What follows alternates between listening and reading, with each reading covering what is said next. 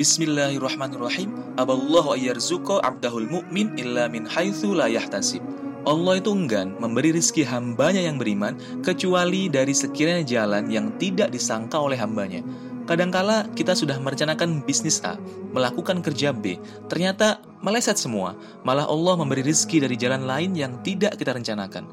Kenapa terjadi pada orang beriman? Untuk menjaga imannya dan keyakinannya. Karena kalau setiap usaha kita berhasil, takutnya nanti kita malah mendewakan nakal kita, mendewakan upaya kita, dan lupa sama Allah bahwa kesuksesan dan rizki kita adalah karunia dan amanah dari Allah. Oleh karena itu kawan, kita tidak boleh mudah putus asa dan mengeluh sebab kegagalan yang kita alami. So, lihat dulu diri kita. Sholat kita, puasa kita, bacaan Quran kita, apakah sudah kita jalankan dengan baik?